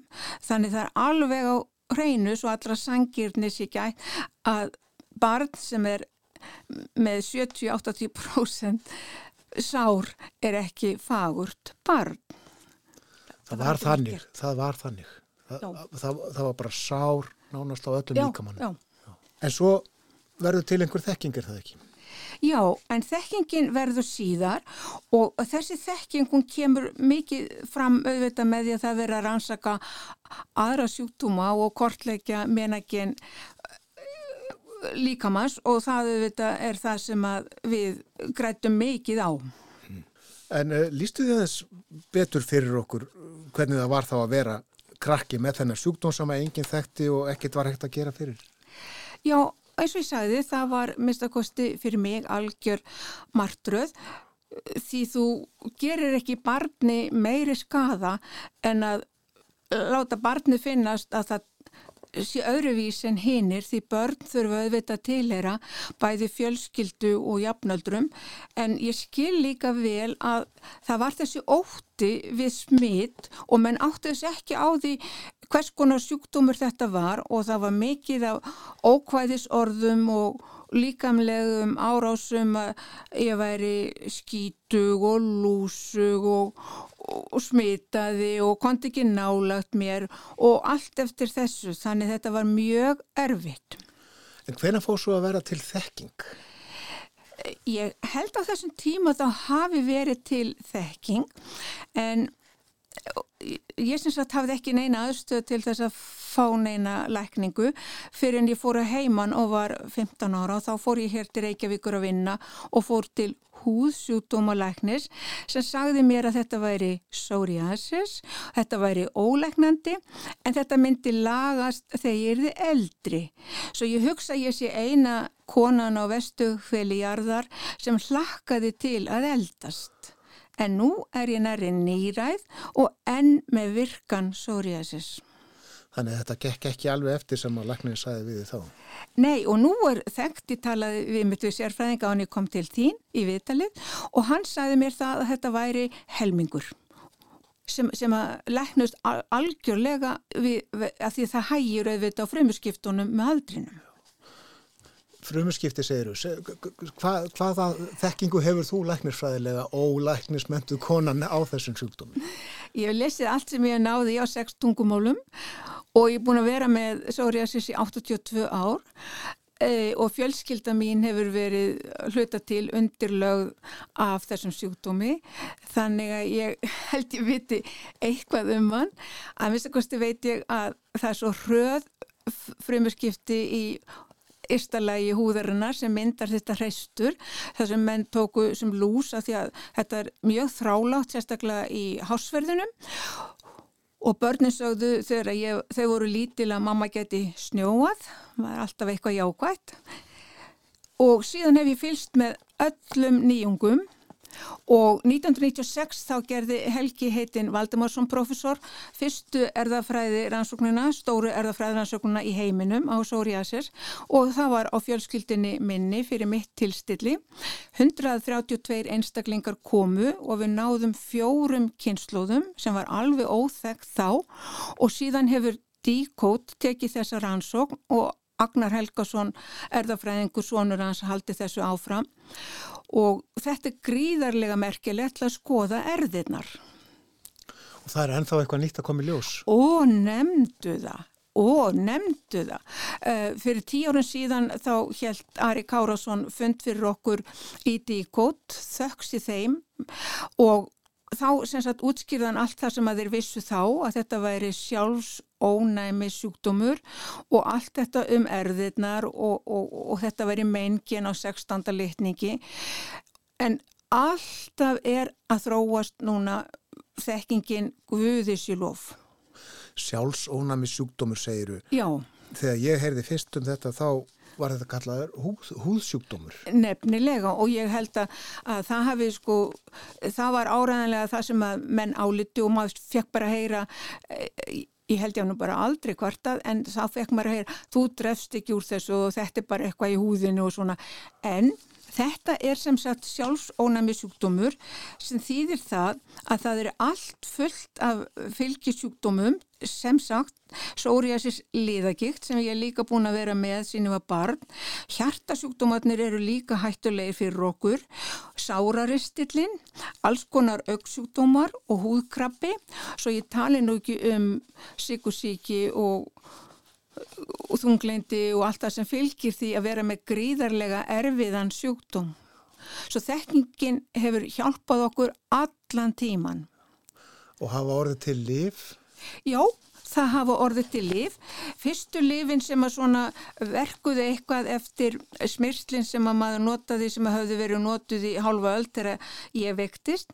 Þau eru sem sagt komu 1999 og það eru lífteknilif og þau voru svakalega góð, verkuðu mjög vel en dýr og þá er alls ekki húðlæknar sem að vísuðu fólki í þessi líftækni líf, heldur voru það uh, gíktarlæknarnir og ónæmisfræðingarnir vegna þess að húðlæknarnir voru ennþá alltaf með þetta fast, þetta væri bara húsjútumur. Þannig lifin eru, eru er gerð breytt frá fyrstu tíð og 2014 komum nú bara fram töfra liv frá Keresis algjörlega byltingarkent meðferð, sára og útbrota og það er á Ísafjörði sem að þetta er framleitt úr þoskróði sem var nú bara hent þegar ég var barn. Og þessi þekking kemur frá Baldri Tuma Baldursinni Já, það eru kraftaverka menn uh, vestur á Ísafjörði sem er að ge gera þér og öðrum lífi bærilegra ekki bara mér heldur, heldur öllum heiminum vegna þess að, að ég fekk gríðalegt graftarsár í brjóstið fyrra og þá er mitt upplifiðið það ennþá að ég var lendi hjá hinnum ímsustu sérfræðingum og eitt þeirra held ég fram þegar ég kom þarna með uh, útverðina miklu graftarsárun í brjóstinu að þetta væri psoriasis og þá vogaði ég mér að segja að þetta væri nú alls ekki það og hann sagði eins og þú ólæknismentu konan og hvað þykist þú vita og hvað þetta nú væri.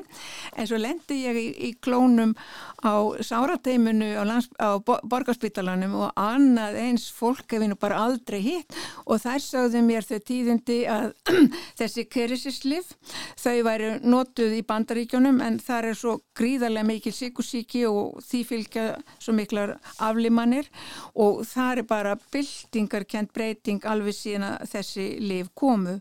Þannig bara mikil þökk og, og, og, og svakaleg breyting ég bara á ekki orð yfir uh, þegar maður lítur við farin veg hvernig ger breytt aðstafa og ger breytt lif fyrir okkur Hefur stór hluti lífstíns farið í þennan sjúkdóm eða einum öðrum hætti, er einn að skilja hann og. Já, ég hugsa bara þegar þú segir þetta að, líf mitt hafi gríðarlega markast af þessu en það auðvitað kom til af þessu sem bara er eðlilegt í, í daglegu lífi. Þá var maður að hitta fólk sem þekkti þetta ekki og fólk sem var rætt við þetta eins og ég segi að því upplýsingar lágu alls ekki á lausu að þetta væri þetta smitaðist ekki. Og sem unga kona með, með þrjú lítil börn og held ég ofrískuruglega á síðasta barninum þá bjó ég í blokk og einni hæðinni bjó kona sem var alveg greinilega rætt við þetta því hún gekk um allt húsið með undirskriftalista að koma mér og börnunum út á götuna af því að ég væri hættuleg og ég væri smitandi og mér til lífs var eins og oft áður að á fyrsta hæðinni bjó hjúkunafræðingur og hún sagði bara hlust ekki að svona kæftæði sóriasis er ekki smitandi. Svo margt gott fólk hefur nú lagt hönd á blógin verður enn vönd við, við uh, þessa vanþekking og fordóma að fólk telli þetta smittandi og sé hrætt við fólk með psoriasis og, og eksem?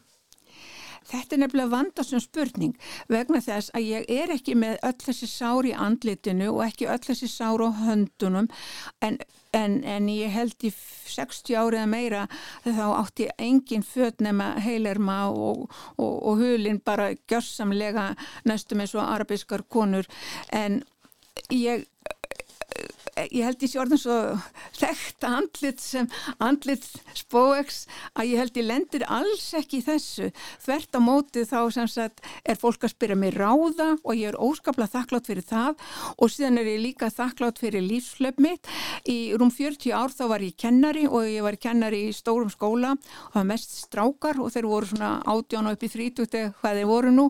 Og ég hafði alltaf auða hverjum fingri og sá að sömur voru með sóriasir og sagði þá við og heyrðu Björn meginn, viltu doka ögn við í fríminútonum, ég ætla að tala við þig. Svo brett ég bermarnar og síndi handlikina og sagði sérðu, ég er með sóriðasins veistu það ég held að, þetta, að þú sért með þetta líka? Og, og þá var alltaf svari já, veistu, ég er búin að fara til margra lækna og engin veit hvað þetta er og svo kom ég þeim í, í gungudeldina okkar og mikið þakklæti og mikið lánæga. Þannig ég held ég hafi nú ekki lendi þessu mjög lengi. Nei, já, já. Sem, ekki vanþykkingunni. Sem betur fyrr skulum við segja. Já. En þú uh, komst að því að stopna Spóex, þetta félag fyrir hálfri öll. Já, það var fjöðulega sérstætt vegna þess að við kuldröstum þarna einhver svona litlu herbyggi upp á fjóruðuhæð á hótel sögu og það var ykning og ég þekkt engan og, og ég leiti kringum mig og hugsaði með mér já, líklega er þetta einu hópurinn þar sem þarf ekki að búast við að einhver fín kona, einhver annar komi og standi fyrir framann mig og segi hörðum rómi, hvað er þú að gera hér? eins og ég fekk stundum að heyra út af útbrotunum en ég var með fjarskalega mikil útbrott bæð á höndunum og andlitinu sem að var auðvitað ekki takt að fela og þá kom fyrstu stjórnirnar liftu algjöru grettistaki. Þetta voru svona kallar úr atvinnulífinu alveg sérstaklega fullir af eldmóði og fullir af uh, þau voru svo lausna með það þeir annars bara hafði aldrei kynst og ég gleymi ekki minni í lifi, ég var hérna í stjórninni fyrstu árin að þegar hann Valur Margersson frá Keflavík kom og sagði okkur frá því að hann hefði baðað sér í 20 daga í þessu affallsvatni sem að nú er bláalónið á Reykjanesi. Þá var eittir að gísli heitin Kristjánsson sem var með orðtak sem við ættum öll að hafa aldrei að hætta að þóra að þá var hann svo hann svo ágafur að hann var að láfið að segja við hættum þessu kjáftæði og mér fannst hann bara alltaf rétt okkur skoplu og haka yfir borðið og við bara reysum þarna hús og það láfið í hugsaði með mér já, þetta var um kvöld að hann bara alltaf setja okkur út til þess að móka fyrir grunnunum á húsunum svona var mikill ágafin og dugnaðurinn Var uh, og er uh, lækningamátturinn í blá og lónu jafn mikill og talaðurum? Fannstu það sjálf? Þetta þekk ég bara alls ekki því alltaf verið í mikill vinnu og verið með stórt heimili og mestan hlut æfi minnar aldrei átt enga bíl þannig að þessi aðgangur á bláalónunni hefur verið mér gerðsamlega lokaður. Svo ég get ekki dæmt neitt um það. En aftur á móti þá held ég að þessi hvild sem að þetta fyldi og svona kúpla sig alveg frá þessu daglega lífi og allt þetta sem var og þetta hlýja indislega vatn og ég held allt svona hafi áhrif. Og meðan það var ekki komið þetta bláalón þá kom þarna heimsfrægur kvikmyndalegstjóri Ingmar Bergman og ég veit ekki hversu fólk er kunnugt þessum stórkostlegu kvikmyndum hans. Sjönda innsiklið er einað tíu bestu kvikmyndum heimsins mörguð og hann var gríðarlega þjáður af psoriasis og ég verið um að hugsa að mörgum að þessum kvikmyndum að kannski minna þekktum Siklónás afton og um, Sommernattis leni og fleiri þá komi í fram þessi mikla þjáning og vanlíðan sem psoriasis sjúklingar líða. Svo sjúkdómurinn sjúkdómurinn hefur haft hinn ímsust áhrif. Já, já Erna, hvaðan uh, kom þér kraftur til þess að, að uh, við aðeir allir þessari þekkingu og, og berjast eiginlega fyrir þig og aðra sjúklinga með, með psoriasis og, og axam? Ég held ég hafi nú engan kraft. Ég held ég hafi bara hugsað að duga eða drepast og ef ég manda rétt að því að var svo ægilega slæm líka af líðagiktinni og hún bara afmyndaði líðina og svo er hún svo mikill orkugleipir að það bara glommar úr þér orkuna þannig þú ert bara eins og undin tuska og ég hugsa þegar þú segir þetta svona fallega að ég hafi hugsað mér kannski rétt svona fyrir 50 Æ, þetta hefur markað allt mitt líf Er ég sjúkdómurinn? Er ég þessi sár? Er ég svona afskræmt? Er, er ég svona? Nei. Ég var eitthvað annað. Og í heiminum öllum er alveg gríðarlega mikil þekking sem er svo mikilvægt að komi saman og við tengdum svona kannski á nýjunda töknum spógers um, IPVAð, það er sem sagt alþjóðlegu samtökin og þar höfum við átt alveg tvo gríðarlega góða íslenska fulltrúa.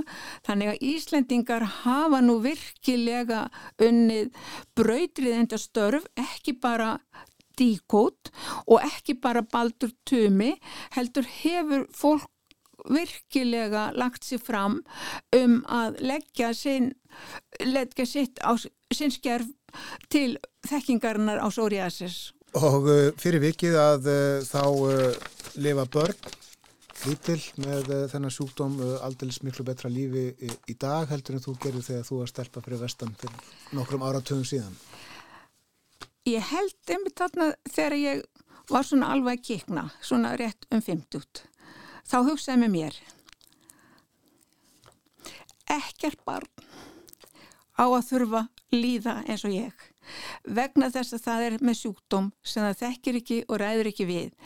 En svo þegar ég lít tilbaka þá veit ég að fólk hafði bara ekki þessa þekkingu og síðan var hitt sem að stundum gleimist núna.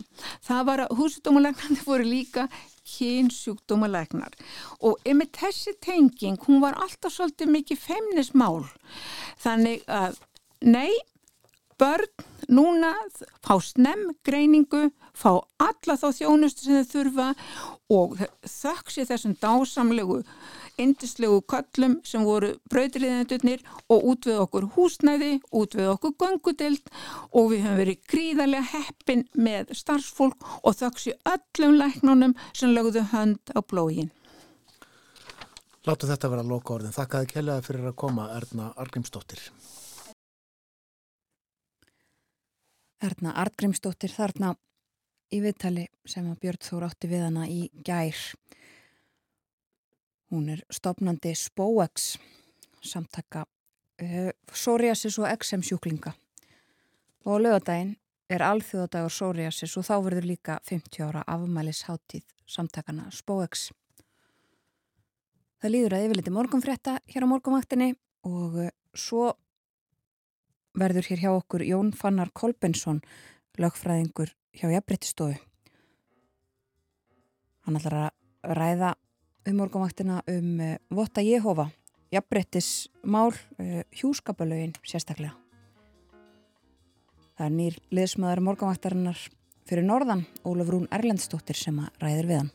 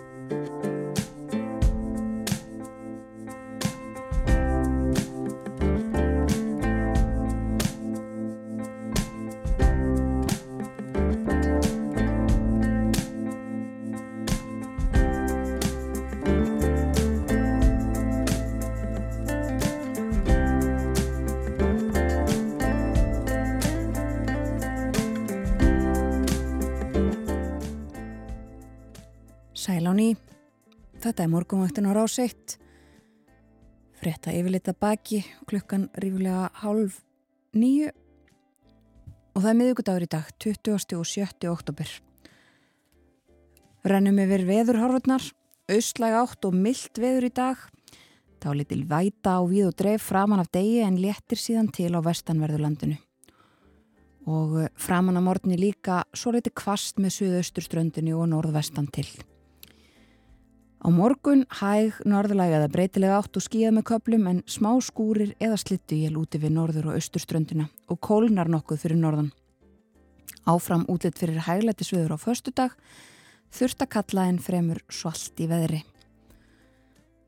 Og já, það kólnar fyrir norðan á morgun. Fyrir norðan í hljóðstofu Ríkisútorsins á Akureyri er Ólaf Rún Erlendstóttir, frettamæður, nýr liðsmaður morgumvættarinnar í fyrir uh, norðan. Góðan dag, Ólaf Rún. Góðan daginn. Þú ætlar að uh, taka við stjórninni næstu mínúturnar og ert komin með uh, gest til þess að ræða við. Þið ætla að ræða saman um jafnbrettismál. Jú, passar. Hann ætlar að ræða við mig hann Jón Fannar Kolbensson, lögfræðingur hjá jafnréttistofu en þau sendu nýlega bref á trúfélagi Votta Jehova á Íslandi og við ætlum að ræða aðeins að hvaða, hvaða tilefni þau gerðu það. Velkomin Jón Fannar. Takk fyrir það kjærlega. Já, þetta er sagt, bref sem að uh, þið senduð jafnréttisstofu á dögunum er, og í því er vísað í myndband trúfélagsins Votta Jehova á Íslandi og myndbandi sem vísaður í tilla einn maður, einn kona og í þessu brefi þá eru fórsvarsmenn trúfélagsins myndir á hjúskaparlög og að í þeim sé ekki gerðu greinamunur á gagnkynja eða samkynja hjónaböndum. En áður en kannski við förum að ræða þetta myndband og þetta bref fyrir mig og aðra sem að þekk ekki nógu vel til, getur þau skýrt aðeins uh, mynd á hlutverk ykkar á jafnbrettistofu? Já, eh, alveg sjálfsagt. Sem sagt, jafnbrettistofa er ofinbér stopnun sem að heyrir undir forsættisraðanitið og er staðsett á Akureyri. Eh, við gegnum svolítið viðamiklu hlutverki og fjölbreyttu sem að felur meðal annars í sér fræslu skildu við kölluminn jafnbrettis áallanir hjá fyrirtækjum sem eru með 25 starfsmenni eða fleiri eða jafnaði ársgröndvelli. Við höfum eftirlipnið jafnlegin á vottun og uh, sjáum um jafnlegin á staðfestingu. Þannig að þetta eru stórum og, og mikil verkefni uh, og svo ekki fyrir svo allslöngu að þá var verkefni okkar útvíkað með tilkomið tveggja laga, nummer 85 og 86 frá 2018 sem hafa svona í daglegu tali verið tala, eh, kölluð lögum jafna meðferð eða mismununarlaugjöfin og uh, með því að þá er unni hætti jafnbreytti stofa að hugsa bara um kynin og, og fóra að, að, að hérna, hafa uh, eftirlit með þessum þáttun sem að þessi tvei lagabolkar taka yfir. Einmitt. og það hefur þá vendanlega haft áhrif á, á þessu ákvörðun ykkar að, að senda þetta bref að, að þetta var útvíkað Jú, það gerði það náttúrulega vegna að nú höfum við þetta eftirlit með þessum lagabálkum líka og uh, framkýmur í þessum lögum að það er ekki að musmun á, á grundvelli kynneigðar til að mynda. Mm. Þannig að þarna sáum við rauninni tilefni til þess að, að, að benda þessu tiltakna trúfélagi á bara rauninni að, að í landinu væru lög sem að sem sagt, hind, uh, bönnuðu þetta, bönnuðu musmun á grundvelli kynneigðar og uh, eins og þeir sem að sé það að myndbandið áttu þessu vantalega á og þá, þá mætti líta svo á að þarna séum um, ja, það er allavega að kemur fram í myndbandinu að, að uh, samkynneir aðilar fá ekki aðgang að paradís held ég eins og það hafi verið orðað þar. Já, einmitt og kannski fyrir þá sem að ekki hafa séð þetta myndband þá er þetta sem sagt kjenslumyndband frá trúfélaginu Votum Jehova á Íslandi sem komst í dreifingu í nettheimum. Þetta hefur vakið mikla umræðu og hörðu viðbröðu þá sérstaklega frá hins eginn samfélaginu en í þessu myndbandi er uh, ungstúlka sem kemur heim úr skólanum og greinir móðu sinni frá því að, að bekja félagi hennar í tvær mömmur. Móðurinn útskýrir svo fyrir barninu að samkvæmt Mósebók sé hjónaband aðeins milli eins Karls og einnar konu og uh, þessu er þetta er borið saman við uh, einhvers konar sagt, eins og þú setja að fara í gegnum flugstöð og, og þurfir að skilja eftir slæman farangur og það sem sagt samkynnið er borin saman við sem sagt varning sem þú meir ekki taka með þér til, til paradísar. Um, getur þú sagt mér aðeins meira frá því svona hvað hvers vegna þeir sjáu eitthvað knúin til þess að senda þetta bref og, og kannski aðeins meira um, um innihald þess?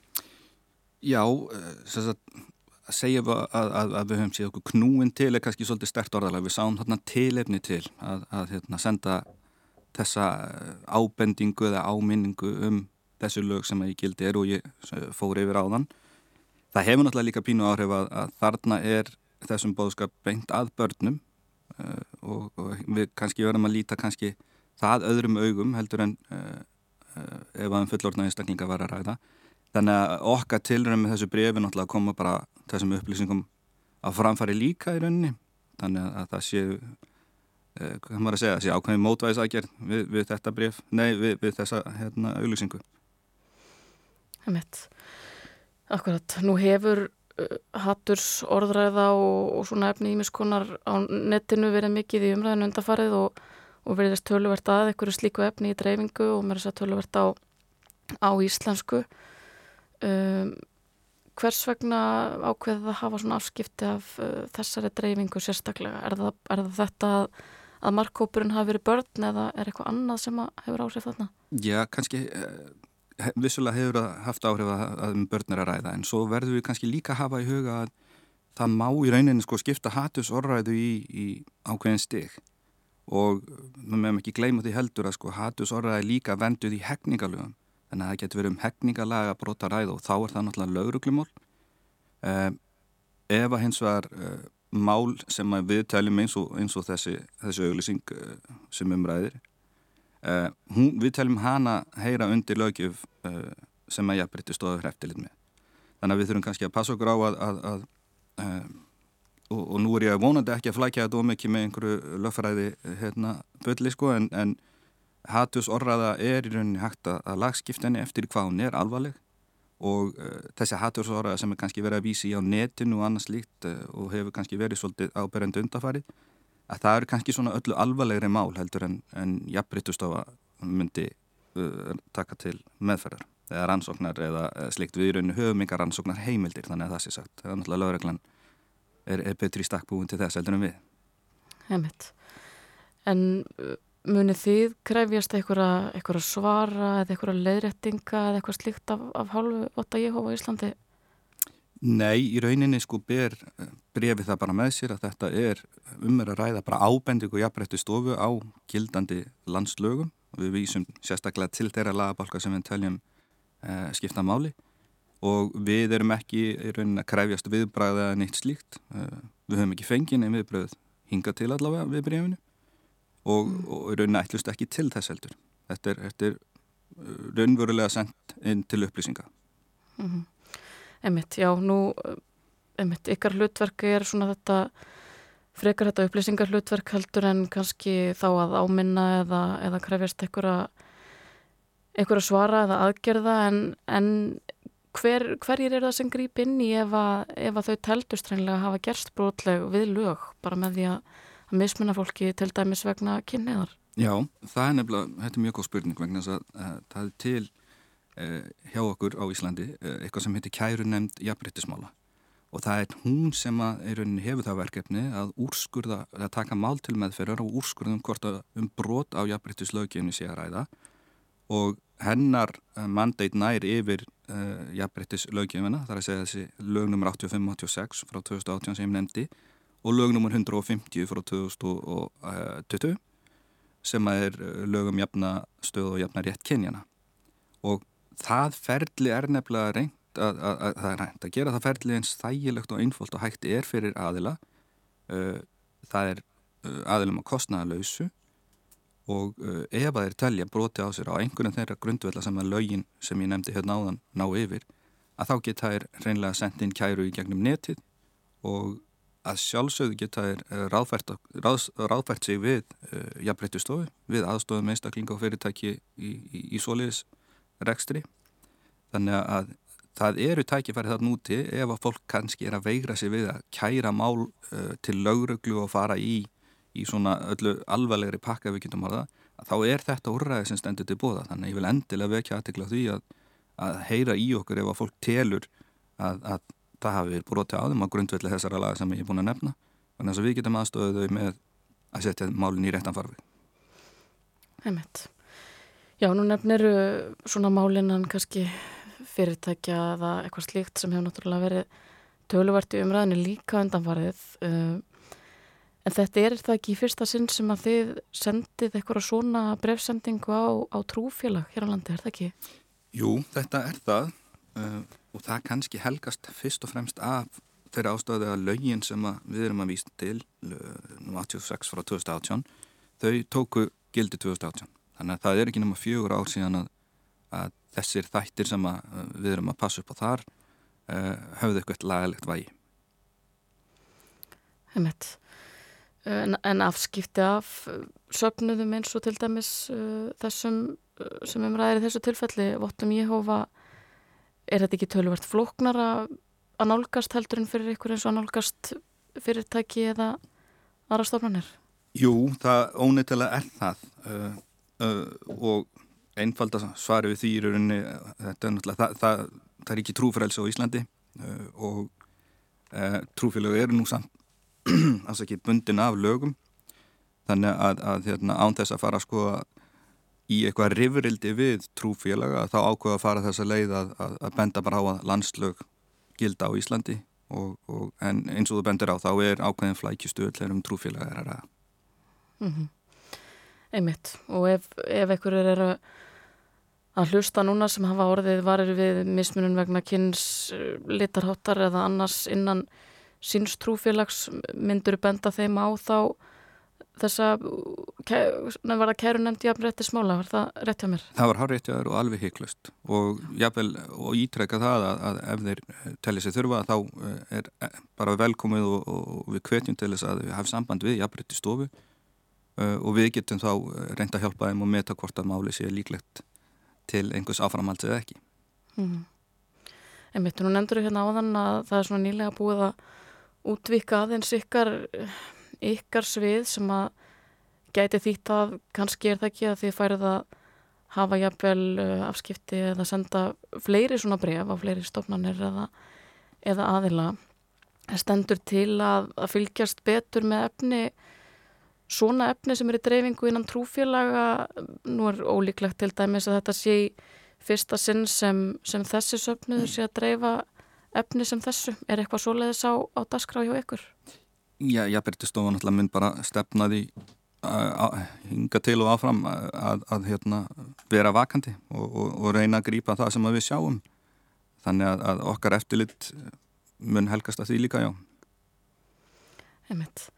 En nú er eins og nefndir á þann þetta er svolítið flókið að nálgast akkurat þessar þessar stopnannir uh, nú komst akkurat þetta myndband sem við rettum í, í töluvarða dreifingu í nettheimum verður eitthvað gert til þess að reynlega uh, fá upplýsingar um, um kennsluefni eða annað sem að kemst ekki í svona, svona dreifingu eins og þetta gerði? Það um, er alveg mögulegt, já. Það er kannski ágætt að ég úttala mikið um næstu skrif akkurat núna en, en þetta er alveg áborðinu ef við getum orðað þannig að við förum í þá frekari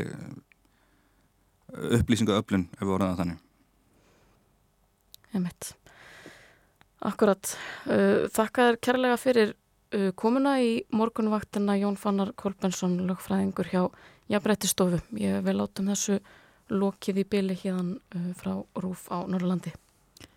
Takk fyrir það Ólef Rún Erlendsdóttir og Jón Fannar Kolbensson lögfræðingur hjá Jafnbrettistofu. Við skulum hlusta á smá tónlist heyrum aðeins í Barbaru Stræsand.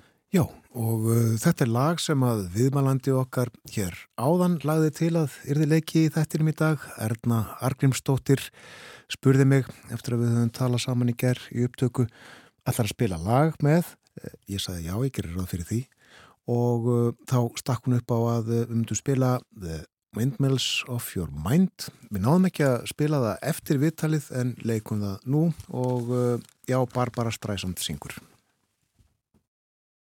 Round like a circle in a spiral, like a wheel within a wheel, never ending or beginning on an ever spinning reel, like a snowball down a mountain or a carnival balloon, like a carousel that's turning, running rings around the moon, like a clock whose hands are sweeping past the minutes of its face, and the world is like an apple whirling silently in space, like the circles that you find in the windmills of your mind. Like a tunnel that you follow to a tunnel of its own. Down a hollow to a cavern where the sun has never shone. Like a door that keeps revolving in a half forgotten dream or the ripples from a pebble someone tosses in a stream, like a clock whose hands are sweeping past the minutes of its face, and the world is like an apple whirling silently in space, like the circles that you find in the windmills of your mind. Keys that jingle in your pocket, words that jangle in your head. Why did summer go so quickly? Was it something that you said? Lovers walk along a shore and leave their footprints in the sand. Is the sound of distant drumming just the fingers of your hand? Pictures hanging in a fragment of a song. Half remembered names and faces, but to whom do they belong? When you knew that it was over, you were suddenly aware that the autumn leaves were turning to the color of his hair like a circle in a spiral, like a wheel within a wheel, never ending or beginning on an ever spinning reel. As the images unwind, like the circles that you find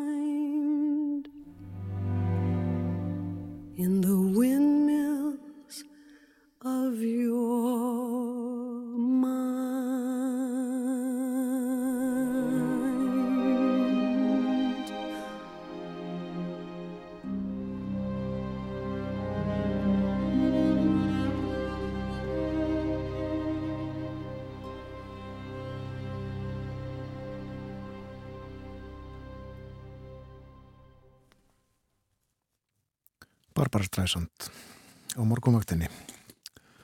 Og eins og ég sagði áður en við leikum lagið settum það að stað þá var þetta leikið að tilugu Ernu Argrímsdóttur sem var viðmannandi okkar fyrir þættinum. Aðeins að stórum alþingis í dag uh, á dagskrá þingfundar sem að hefst klukkan þrjú er uh, umfjöllun um IL sjóð. Hann hefur verið nokkuð til umræðið í samfélaginu síðan á líklega 50 daginn í síðustu viku og ímislegt verið sagt um hann og uh, í dag mun fjármála og efnaðsráð þeirra Bjarni Benditsson kynna skýslu um sjóðin og hann er má finna á vef alþingis. Skýsla upp á 22 blaðsýður eitthvað svo leiðis það sem að farið er yfir uh, þetta mál sem er til umfjöldunar uh, sögu þessa sjóðs og, og stöðuna og uh, kostina og umræður sannsagt í þinginu í dag hefjast eftir óundirbúin fyrirspurtantíma. Já, já óundirbúin fyrirspurtantími fyrsta mál og dagskrá þingfundarins. Uh, Bjarni Benediktsson verður þar til svara. Sömulegði skuðluður Þór Þórðarsson umhverjus orku og loftslagsráð þeirra Jón Gunnarsson dómsmálaráð þeirra uh, Svandi Svavastóttir matvælaráð þeirra og Lili Alfredsdóttir menningar og viðskiptaráð þeirra og svo eru þá nokkur önnur mál á dagskráni uh, á dagskráð þingfundarins en áður en að honum kemur eru líka fundir í nefndum fjárlaganemnd, utaríkismólanemnd, stjórnskipunar og eftirlitsnemnd og velferðanemnd funda allar nú í morgunsárið. Og við sjáum uh, hvort að ráþæratin fái erfiðar spurningar, fyrirspurnir frá stjórnananstöðinni en uh, það er viðbúið að mæði talsvert á nýjum fósættisráþra Breitlands í dag. Já, uh, Rissi Súnak mætir í fyrsta sinn í uh, fyrirspurnatíma fósættisráþra þar í landi og uh, verða svona velta því upp uh, sem að hann verður spurður að.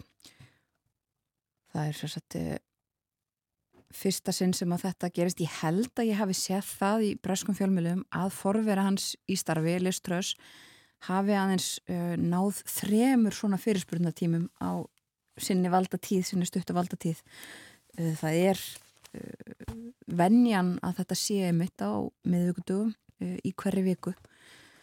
Og verið svona velta því upp sem að uh, Kýr Starmer leðtögi verkamannaflokksins uh, geti spurt Rissi Súnak um. Og sömulegis fjallaðum það í breskum fjölmjölum að það sé til umfyllunar eða til svona skoðunar í Breitlandi að fresta uh, fresta fjárlega umræðu þá að svona að óbreyttu þá á fjármálar á þeirra að flytja skýslu um þau mál á mánudag í næstu viku og það tekið fram í bræskum fjármjölum að það sé mitt á rekjavöku, rekjavöku fjárlögin en þessu geti verið frestað vegna þessa nýstjórnvöld vilji svona skoða þessi málaðins nánar. En já, uh, fyrirspurnatími í þinginu í dag og líklegt að bói Ágúrsson nefni hann leif okkur ég að vilja heyra brota því sem þar fer fram í fyrramáli á morgunvaktinni, heimsklukan. Já og áður en að uh, hann fer í fyrirspunna tíma að Rishi Sunak þá heldur hann sinn fyrsta ríkistjórnar fund og uh, við sem fyrir segir heyrum líklega eitthvað af breskum stjórnmálum í fyrramálið þegar að bója Ákusson sestið heimsklukkan en uh, þessu er annars lokið hjá okkur í dag við þökkum samfélgina morgumaktinn er á sínum staði fyrramálið allt með hefðbundum hætti. Við bjóðum góðan dag þegar klukkunum vantar svona tíu mínútur í sjö. Takk fyrir í dag og verið sæl.